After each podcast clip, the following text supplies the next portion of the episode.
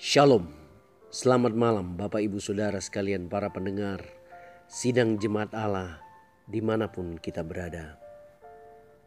Kita patut bersyukur hari ini Tuhan telah berkemurahan dalam kehidupan kita sehingga kita telah melewatinya lewat pertolongannya. Malam hari ini kita akan sama-sama mendengarkan firman Tuhan sebelum kita beristirahat. Malam hari ini kita akan mendengarkan firman Tuhan dengan judul Semua itu akan ditambahkan kepada kita. Di dalam Matius pasal 6 ayat 25, 31 sampai ayat yang ke-34 hampir tiga kali disebutkan ungkapan janganlah khawatir akan hidupmu. Lalu sebab itu janganlah khawatir dan selanjutnya, janganlah kamu khawatir akan hari esok. Ada tiga kali ungkapan itu diucapkan. Nah, jika Tuhan Yesus mengucapkan kata-kata itu tiga kali berturut-turut, padahal ia jarang sekali mengulangnya, tentu ada maksud dan tekanan untuk sama-sama kita coba pikirkan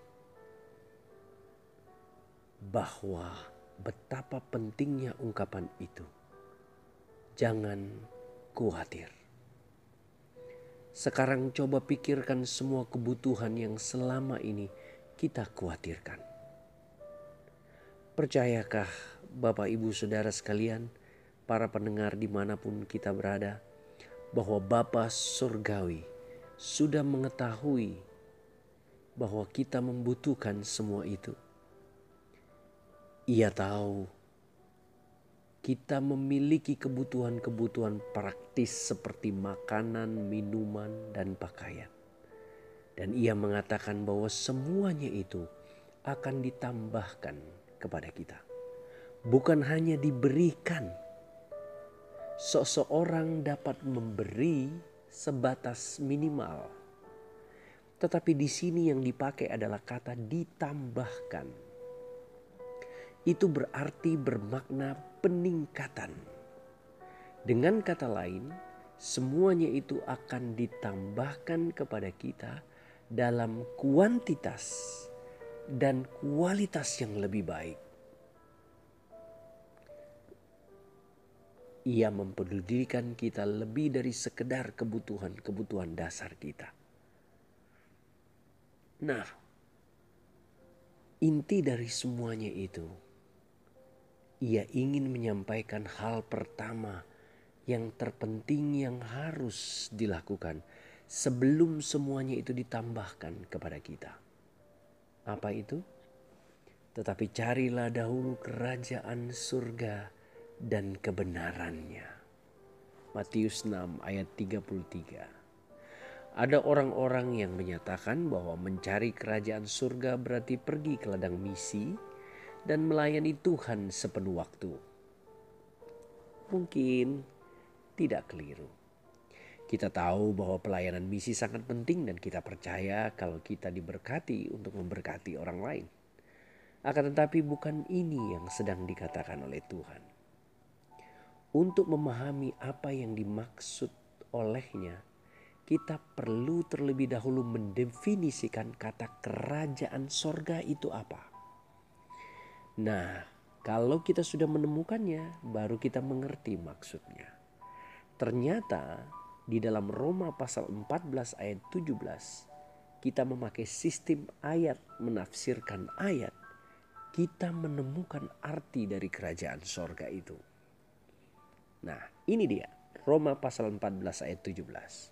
Sebab kerajaan surga bukanlah soal makanan dan minuman tetapi soal kebenaran, damai sejahtera, dan sukacita oleh Roh Kudus. Jadi, apakah kerajaan sorga itu? Kerajaan sorga adalah soal kebenaran, soal damai sejahtera, dan soal sukacita di dalam Roh Kudus.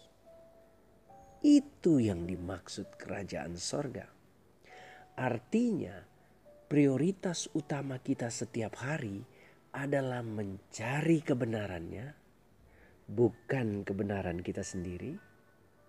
Dan ketika kita fokus kepada kebenarannya, Alkitab menyatakan semua itu akan ditambahkan kepada kita. Apa itu? Makanan, pakaian, dan semua kebutuhan hidup kita lainnya. Itu akan terus ditambahkan. Artinya apa? Mengalami peningkatan. Bukan hanya diberikan. Nah, Bapak Ibu para pendengar, malam hari ini kita sudah belajar. Kalau ada yang tanya, apakah kerajaan sorga itu? Kerajaan sorga adalah soal kebenaran, soal damai sejahtera, dan sukacita oleh roh kudus. Carilah itu. Dan semuanya akan ditambahkan kepada kita.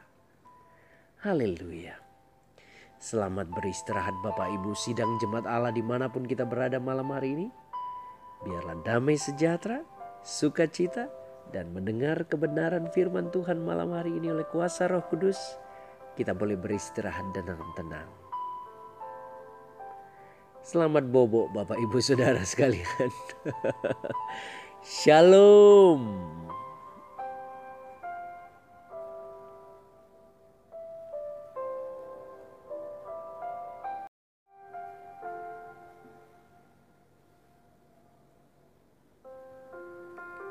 Shalom, selamat pagi Bapak Ibu para pendengar di mana pun Bapak Ibu berada Saya percaya Bapak Ibu dalam kondisi yang sehat diberkati oleh Tuhan Dan diberi kesehatan, kekuatan serta umur panjang.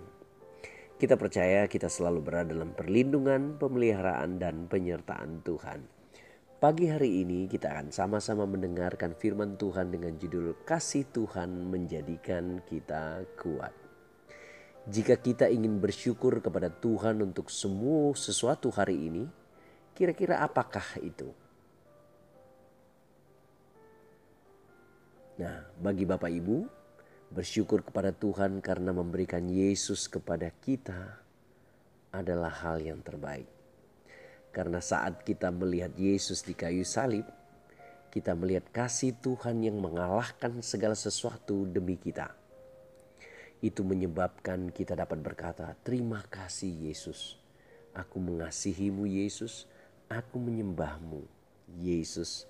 Diberkatilah aku dengan segala kebaikan dan kemurahanmu, karena Engkau rela menggantikan aku demi aku dapat bersamamu dalam hidup yang kekal." Nah, sementara kita menyembah dan merayakan kasih Tuhan Yesus dalam kehidupan kita, kita akan menemukan diri kita mengalami perubahan. Dan kita akan melihat kuasa Tuhan yang luar biasa itu ada dan bekerja melalui kehidupan kita. Inilah yang terjadi dalam kehidupan Daud. Waktu-waktu penyembahan pribadinya terserap dalam kasih Tuhan kepadanya. Mengubahkannya dari seorang anak gembala biasa menjadi seorang pembunuh singa beruang dan penakluk raksasa bernama Goliat. Ia akhirnya menjadi raja atas bangsa Israel. Begitulah kisah yang terdapat dalam Alkitab. Saat ini tidak seorang pun di bumi tidak peduli betapapun kuatnya ia, apalagi seorang muda yang dapat menghadapi seekor singa dan membuka mulut beruang bahkan singa tersebut untuk merebut kembali domba yang telah dibawa singa itu. Itu kalau bukan urapan Tuhan di atasnya, dia tidak akan pernah dapat mengalahkan beruang dan singa. Dan sesungguhnya inilah yang terjadi pada Daud, anak gembala yang pergi mengejar seekor singa, menarik janggutnya dan memukulnya serta membunuh singa itu dan melepaskan anak domba yang ada di dalam mulutnya. 1 Samuel pasal 17 ayat 34 dan 37. Bapak Ibu para pendengar yang dikasih Tuhan, apakah moral dari cerita yang saya sampaikan tadi? Tidak seorang pun yang dapat benar-benar menikmati kehidupan di dunia ini tanpa kekuatan di dalam Tuhan. kemurahan Tuhan dalam pekerjaan dan hubungan-hubungan kita, perlindungan Tuhan dan keluarga kita atas setiap penyakit yang berbahaya, peningkatan Tuhan dalam hal keuangan, kesehatan, dan kesembuhan atas tubuh kita. Demikian juga tidak seorang pun yang dapat bertahan secara emosional menghadapi tekanan di pekerjaan, di usaha, di keluarga, tanpa kehadiran kasih Tuhan, kita akan sangat sulit, Bapak Ibu Saudara sekalian. Kita penat dengan berbagai macam tekanan. Itu sebabnya tempat untuk berlindung adalah batu karang yang teguh, yaitu Yesus Tuhan kita. Bapak Ibu para pendengar di mana pun kita berada, sementara kita menikmati kasih Tuhan Yesus itu, kita akan diisi oleh kepenuhan Tuhan yang luar biasa. Damai sejahtera mulai mengalir dalam hati kita. Seperti Daud, urapan Tuhan akan mulai bekerja secara luar biasa dalam kehidupan kita hari ini.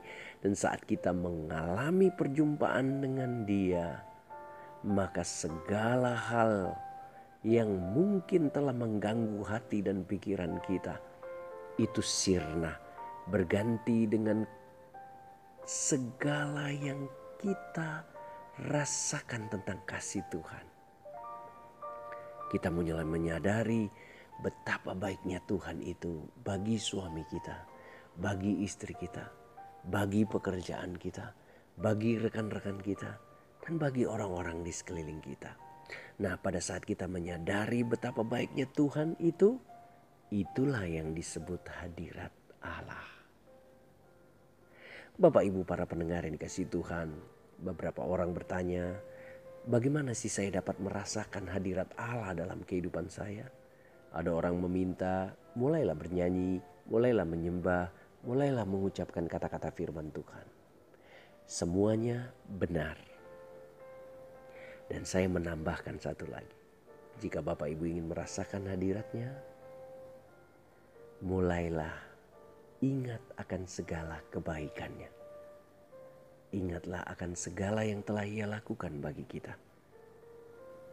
Dan yang paling penting, ia tidak berjanji langit akan selalu terang, badai tidak akan ada. Namun ia menyertai kita di dalam segala keadaan. Tuhan Yesus memberkati kita Bapak Ibu Saudara sekalian pagi hari ini. Turunlah berkat sehat, kuat dan panjang umur atas Bapak Ibu Saudara sekalian. Apa pun usaha dan pekerjaan Bapak Ibu dibuat berhasil oleh Tuhan. Tuhan menjauhkan sakit penyakit marah bahaya dan kecelakaan dari dalam kehidupan kita.